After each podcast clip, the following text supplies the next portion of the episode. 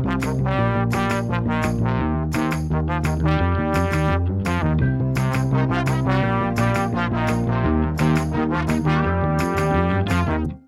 Thea. Hallo, Lone. Hei, du.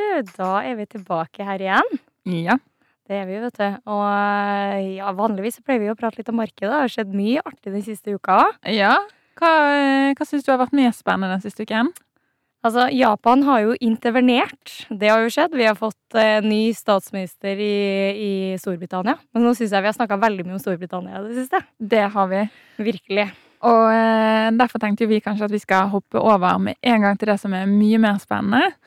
Og i det siste så har jo vi hatt eh, en del Vi har hatt eh, Avinor inne, vi har hatt en high trader inne, og hvis man kikker litt lenger tilbake, så har vi både hatt aksjeanalytikere og makroanalytikere. Så i dag så skal vi ha med oss en kredittanalytiker. Det skal vi. Hei, Benedikte. Hei, hei. Veldig kjekt å ha deg her. Veldig kjekt å få komme. Og Benedikte, du jobber jo som kredittanalytiker i Danske Bank. Stemmer. Ja. Men du fokuserer da på IG, eller er det high yield-selskaper som du dekker? Jeg har eh, primært fokus på high yield-selskap, så høyrente innenfor eh, Norge. Eh, og så dekker vi også en del eh, IG-selskap fra Danske Bank sin eh, kredittdesk. Ikke sant. Og eh, nå har jo vi allerede hatt noen inn tidligere. Det er kanskje noen som husker episoden med Bettina, blant annet. Hvor vi diskuterte forskjellen på Hail og IG. Men kan ikke du bare gi oss en litt sånn short wrap-up, sånn at vi husker hva som er forskjellen der? Det kan jeg. Eh, Så IG-selskap er primært eh, litt større etablerte selskap, der risikoen for eh, eh, at de ikke skal kunne betale tilbake lånet, er ganske lav. Eh, Og så har du høyrente på andre sida, der risikoen er større. Så der får du også bedre betalt for å holde en høyere risiko. Og hva gjør egentlig en eh, kredittanalytiker? Så kredittanalyse det er på mange måter ganske likt eh, aksjeanalyse.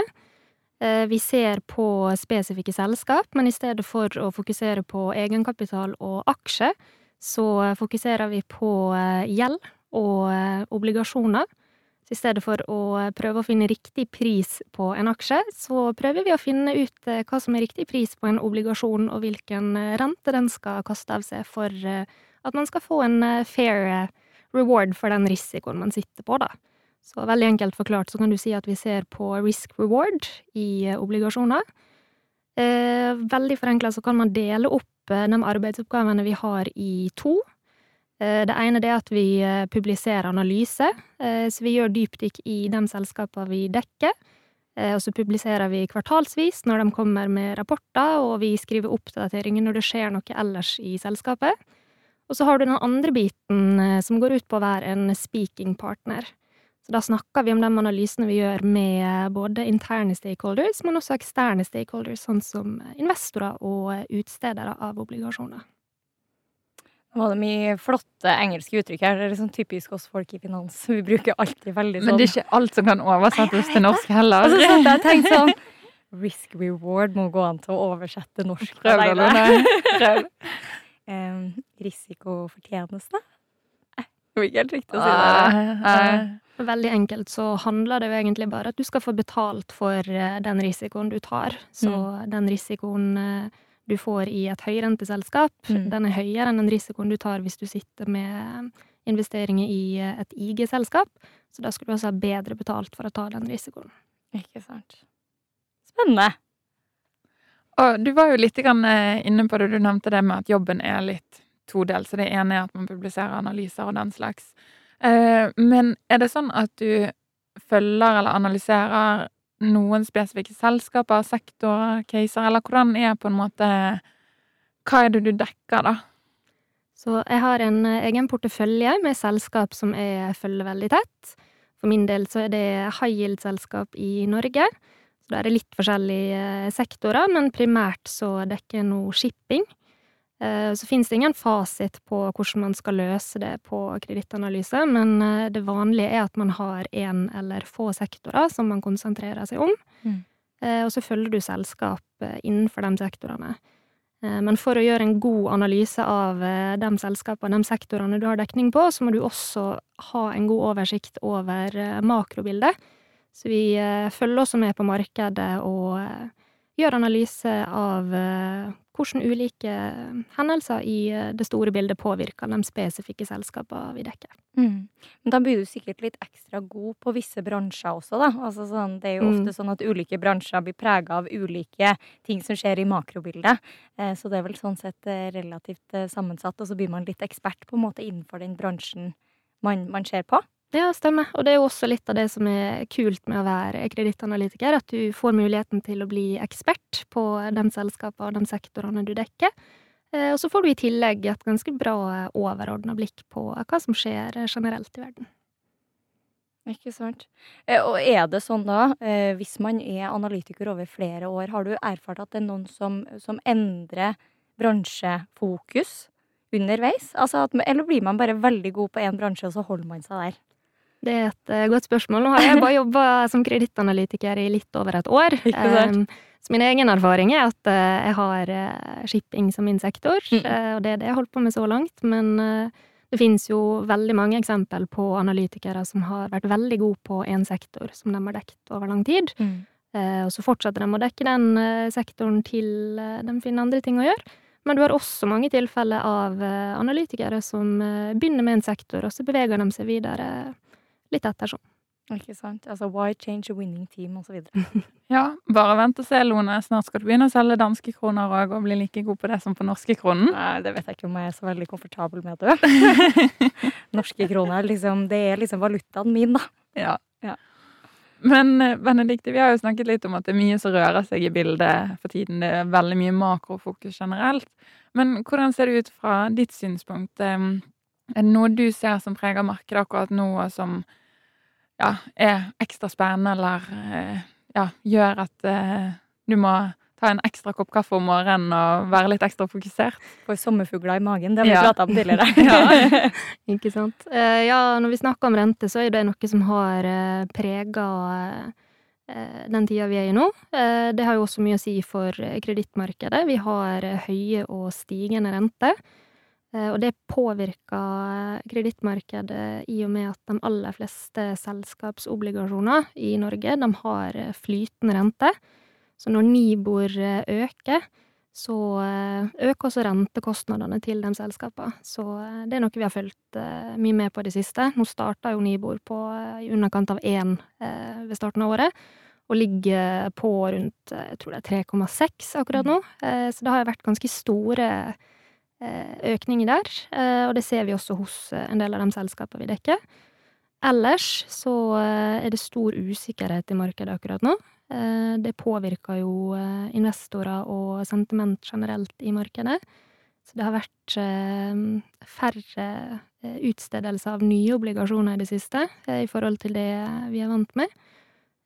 Og investorer er også mer forsiktige med hvor de plasserer pengene sine akkurat nå, så det gjør at det er ganske lav likviditet i eh, kredittmarkedet, og eh, det er også noe vi eh, følger med på.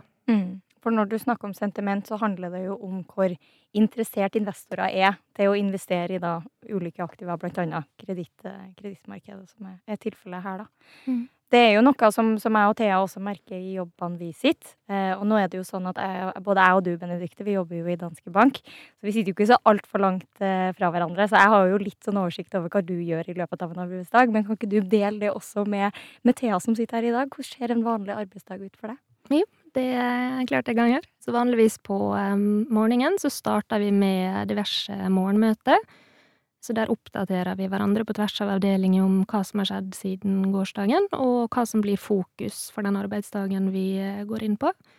Så kommer det litt an på hvilken tid eh, vi er inne i. Eh, for eksempel akkurat nå så er vi midt i rapporteringssesong, så da går det mye tid med til å lese kvartalsrapporter fra de selskapene vi dekker, og kommunisere det vi kommer frem til fra de rapportene til eh, både meglere og eh, investorer. Så er det også en del arbeid tilknytta eh, utstedelse av nye obligasjoner, så hvis det er på menyen, så bruker vi mye av tida vår på det. Men en helt vanlig dag utenom rapporteringssesong og utenom primæraktivitet, den har jeg egentlig frihet til å legge opp litt sånn som jeg ønsker selv. Så da ehm, kan jeg for eksempel jobbe med en sektoranalyse, eller jeg kan fordype meg i et tema jeg syns er interessant og relevant. Eh, og så eh, har man investormøte og snakker med meglere og eh, ja. Tar det egentlig litt ettersom eh, hva det er behov for. Ikke sant. Og vi er jo litt ekstra glad for at vi fikk besøk av deg i dag, for du var jo litt sånn Det kommer litt an på hvilket tidspunkt jeg skal stille opp på, i forhold til at det er litt travle tider akkurat nå. Så det er jo veldig bra at du tok deg tid til å prate med oss allikevel, da. Det setter jo vi veldig stor pris på. Ja. Hyggelig jeg fikk komme. Ja, ikke sant. Og um, du nevnte jo litt dette med at dere sitter både og dykker ned i tallene og følger selskapene, eh, men òg at du da snakker med de andre kollegaene i, i banken, og at dere òg er ute og snakker litt med investorer.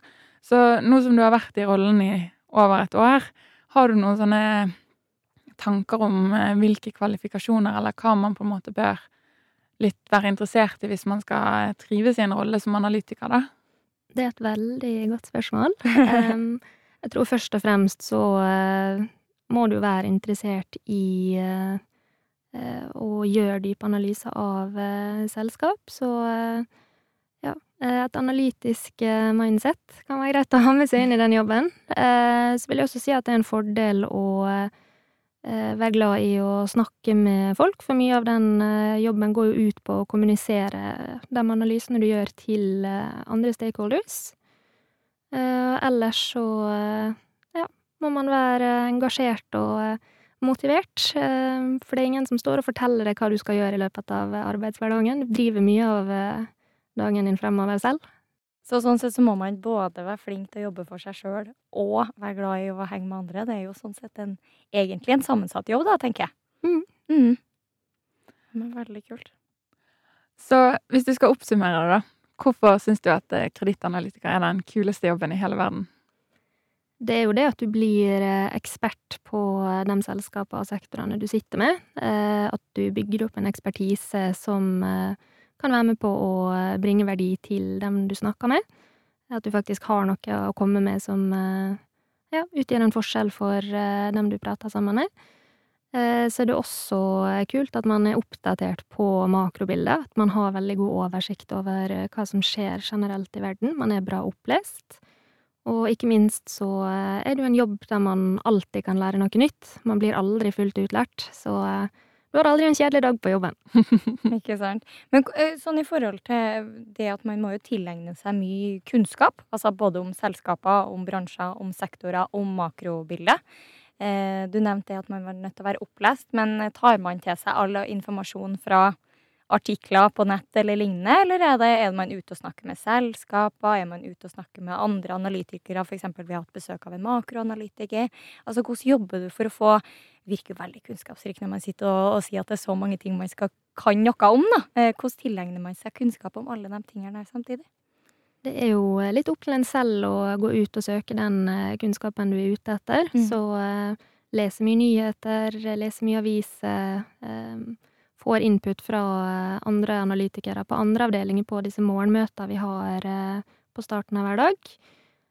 og så er det jo også opp til en selv om man vil ta kontakt med for eksempel eh, et selskap som driver innenfor samme sektor, eller hvis du har eh, en bransjeorganisasjon som sitter på mye kunnskap du er interessert i, så eh, ja, er det bare å ta kontakt og prøve å få satt opp et møte. Men man driver mye av den kunnskapssøken på egen hånd, da. Mm. Man må være litt proaktiv.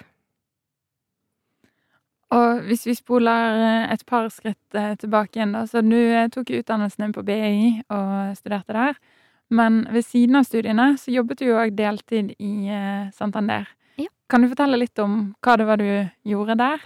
Ja, eh, så eh, da jeg begynte på bachelor, eller andre året på bachelor, så fikk jeg meg en deltidsjobb i Santander.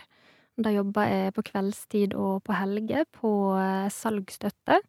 Så da satt jeg med lån- og leasingsøknader på bil for privatkunder og små og mellomstore bedrifter. Det holdt jeg på med i to år. Da fikk jeg tilbud om å jobbe fulltid eh, på samme avdeling. Eh, det takka jeg ja til. Og da blei det mye av de samme arbeidsoppgavene, men eh, litt utvida ansvarsområde. Så jobba med litt større lån og leasingsøknader, og var også en del ute og snakka med bilforhandlere og var på messe og representerte vår avdeling. Eh, og så gikk jeg jo tilbake til eh, studiene etter hvert. Begynte på en eh, master i finans på BI. Og da eh, spurte jeg litt internt om det var mulighet for å finne seg en deltidsjobb på en annen avdeling, for da hadde jeg vært fire år eh, på salgsstøtet. Og det eh, var det muligheter for, så da begynte jeg på Collections. Der jobber vi egentlig med alt som skjer når et lån ikke blir betalt, av ulike årsaker. Så da fikk jeg prøve meg litt på konkurser og gjeldsforhandlinger og dødsbo og så videre. Jeg hører jo kredittnerden på andre sida. Ja, veldig, veldig gira. Så det var jo litt kult å eh, få drive med under korona. Da ble jo det plutselig et eh, ganske aktuelt tema. Ikke sant. Og sånn sett så har du jo egentlig hatt kreditt sånn baki der hele veien, kan du si. Altså, én ting er på en måte å, eh, å jobbe på lånesida, men så jobbe med også dem som faktisk defaulter. Det er jo noe du kan si at du jobber jo med i dag også, så sånn sett så har jo kreditt vært en del av livet ditt lenge. ja, det Ja. kan du si. Men eh, hvordan Altså, du har jo hatt da både deltidsjobb ved siden av studiene, så gått til fulltid, så tilbake til studier og hatt deltidsjobb. Hvordan har litt denne overgangen vært fra å være deltid slash student til å gå over til å være fulltid? Ja, godt spørsmål. Du har jo muligheten til å ta på deg litt mer ansvar når du går inn i en eh, fulltidsstilling, så det var noe jeg satte veldig pris på, både første og andre gangen jeg gjorde det. Eh, For som deltidsansatt så er du på jobb et par ganger i uka, og så legger du det fra deg og eh, tar det opp igjen på et senere tidspunkt. Så litt mer kontinuitet i arbeidsoppgavene på, på fulltid. Mm. Det var noe jeg satte stor pris på. Eh, Og da får man eh, også litt mer eh, ansvar. Men så bruker du jo mesteparten av tida di på arbeid når du er i en fulltidsstilling. Mm. Eh, Og det var en liten overgang fra å være student og kunne styre sin egen hverdag og ha litt mer fleksibilitet. Helt klart. Jeg, savner i hvert fall det å kunne sove litt lenger i ukedagene. Jeg bare Veldig. en ting jeg, ting jeg kommer på, som blant annet har endra seg litt etter man starta i, i fulltid. Ja. Eh, men du har jo for så vidt sånn studert da ved siden av Altså jobba ved siden av studiene. Eh, hva er bakgrunnen for at du valgte å gjøre det? Altså Én ting er jo at eh, når man bor i Oslo, så er det, jo, er det jo dyrt. Men var det hovedsakelig derfor, eller var det for å på en måte skaffe seg erfaring og Eller kanskje det var delt? Eh, Nei, det er jo definitivt eh, Altså, det kommer jo godt med å få litt ekstra eh, inntekter i måneden når man er student, eh, men primært så ønsker jeg egentlig å bare begynne å teste litt ut eh, hva jeg kunne tenke meg å gjøre. Eh, Jeg var litt usikker etter videregående på hva jeg hadde lyst til å drive med, så da blei det en veldig generell bachelor i business administration på BI. Og da var egentlig det å få seg deltidsjobb en god måte å teste ut om jeg syns bank var noe for meg. Jeg kjenner, jeg kjenner litt igjen den med at man ikke helt vet, vet hva det er man har lyst til, og det er mange muligheter når man har en generell økonomiutdannelse, da. Um, så det å Jeg hadde litt samme erfaring det med når man først startet, så finner man ut av ja, kanskje mer av dette, mindre av dette, og så skaper man litt veien underveis, da. Mm. Det er jo veldig lett å se på dem som jobber i finans i dag og tenke at å, du har visst hele veien hvor du skulle, og du har jobba målretta for å ende opp der du er i dag, men eh, jeg tror i veldig mange tilfeller så eh, har man egentlig ikke så eh, god kontroll på hva man ønsker å gjøre, så blir det litt tilfeldig hvor man ender opp eh, til slutt. Definitivt. Jeg skulle bli forsker, jeg. Vi ser jo hvordan det gikk. Så det, Forsker jo litt nå, da, bare på noe litt annet. ikke sant? Jeg har jo jobba som forsker bitte, bitte litt rørende, så det er nesten, da. Det er nesten, da. Men kan jeg spørre, hvordan endte det egentlig med at du havna opp i stillinga som eh, kredittanalytiker? Eh, satt du og på en måte søkte ulike jobber, og så ramla du bare inn i det, sånn som du sier? Eller var det litt mer sånn at du etter hvert begynte å få deg en sånn idé om hva du tenkte at kunne være interessant? Det var kanskje en eh, god blanding av begge deler. Um, jeg var ikke sikker på at det var kredittanalytiker jeg ville bli. Men eh, jeg hadde jo jobba en del år med kreditt tidligere, Mm. eh, og det var noe jeg trivdes veldig godt med. Eh, men så ønska jeg også å jobbe i et marketsmiljø. Eh, så en litt større organisasjon og et litt større team. eh, og litt annen del av kredittmarkedet, egentlig, da. Um, så jeg søkte en del ulike jobber innenfor eh, ulike markedsstillinger, og jeg var også litt innom asset management, og dro på masse intervju og stilte masse spørsmål, og mm. endte vel opp med å eh, konkludere at kredittanalytiker var det som passa meg best. Ikke sant. Det er jo ganske mange som ikke helt vet hva det vi på Markets gjør. Da. Så sånn sett så var det veldig kult at du hadde en sånn tanke om at det var dit du, dit du skulle. Fordi det er i hvert fall vår erfaring når vi snakker med studenter, at det er mange som ikke, ikke helt vet hva vi holder på med. Og det er jo det vi håper å belyse litt med den, de pratene vi har her. Jeg ante ikke hva det var. Jeg visste bare at det var de som løp ned og hentet mat i kantinen, og så løp opp igjen, og så var de veldig busy. Ikke sant? Jeg fikk jo faktisk forespørsel første dag på jobb fra en uh, kollega, hei Clemens, uh, som spurte meg om, uh, om, jeg skjønte hva jobben min gikk ut på første dagen på jobb. og da tenkte jeg hardt, altså. Det var jeg sånn, skal jeg være ærlig, eller så skal jeg fortelle at jeg har ikke peiling. Det har noe med valuta å gjøre. Så så jeg på han og sa nope, og han bare sånn Nei, det er bra i det minste at du er ærlig, for det er ingen som vet hva det til. Men det er jo sykt smart, da, sånn som du gjorde, da, Benedicte, å faktisk bruke de samtalene eller når det er ledige stillinger, og spørre ut de som ansetter sånn Hva er det egentlig dere holder på med her, og hva er det dere tenker, for å nettopp få litt et innblikk i ja, men er dette noe jeg tenker kan være kult òg, da? Mm. Jeg tenker jo at det er greit at uh, det skal være en uh, passende relasjon begge veier. Så uh, det er positivt både for meg sjøl og for selskapet at jeg begynner i en stilling der jeg trives, og jeg vet hva jeg går til. Um, så jeg vil absolutt oppfordre til å ikke være redd for å stille spørsmål, og passe på at man sjøl også finner seg et sted der man kunne tenke seg å jobbe. Virkelig. Og så fremstår man jo bare som engasjert, hvis man stiller spørsmål tilbake til den personen man er på intervju til. Altså hva, hva forventer du av meg, hva, hva gjør jeg vanligvis i løpet av en arbeidsdag?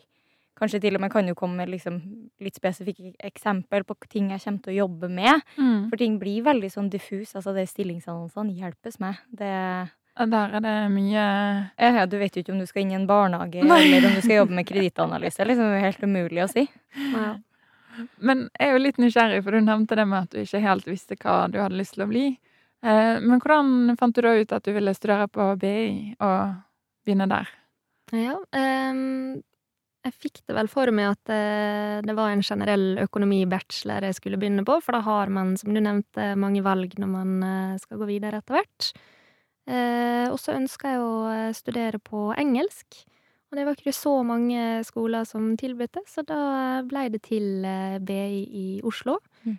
Og så trivdes jeg veldig godt der under bachelor, syntes det var masse fine muligheter til å både engasjere seg som student, eh, også til å møte næringslivet.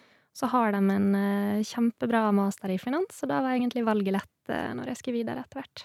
Ikke sant. Og, og hva var årsaken til at du ønska å ta en utdanning på engelsk?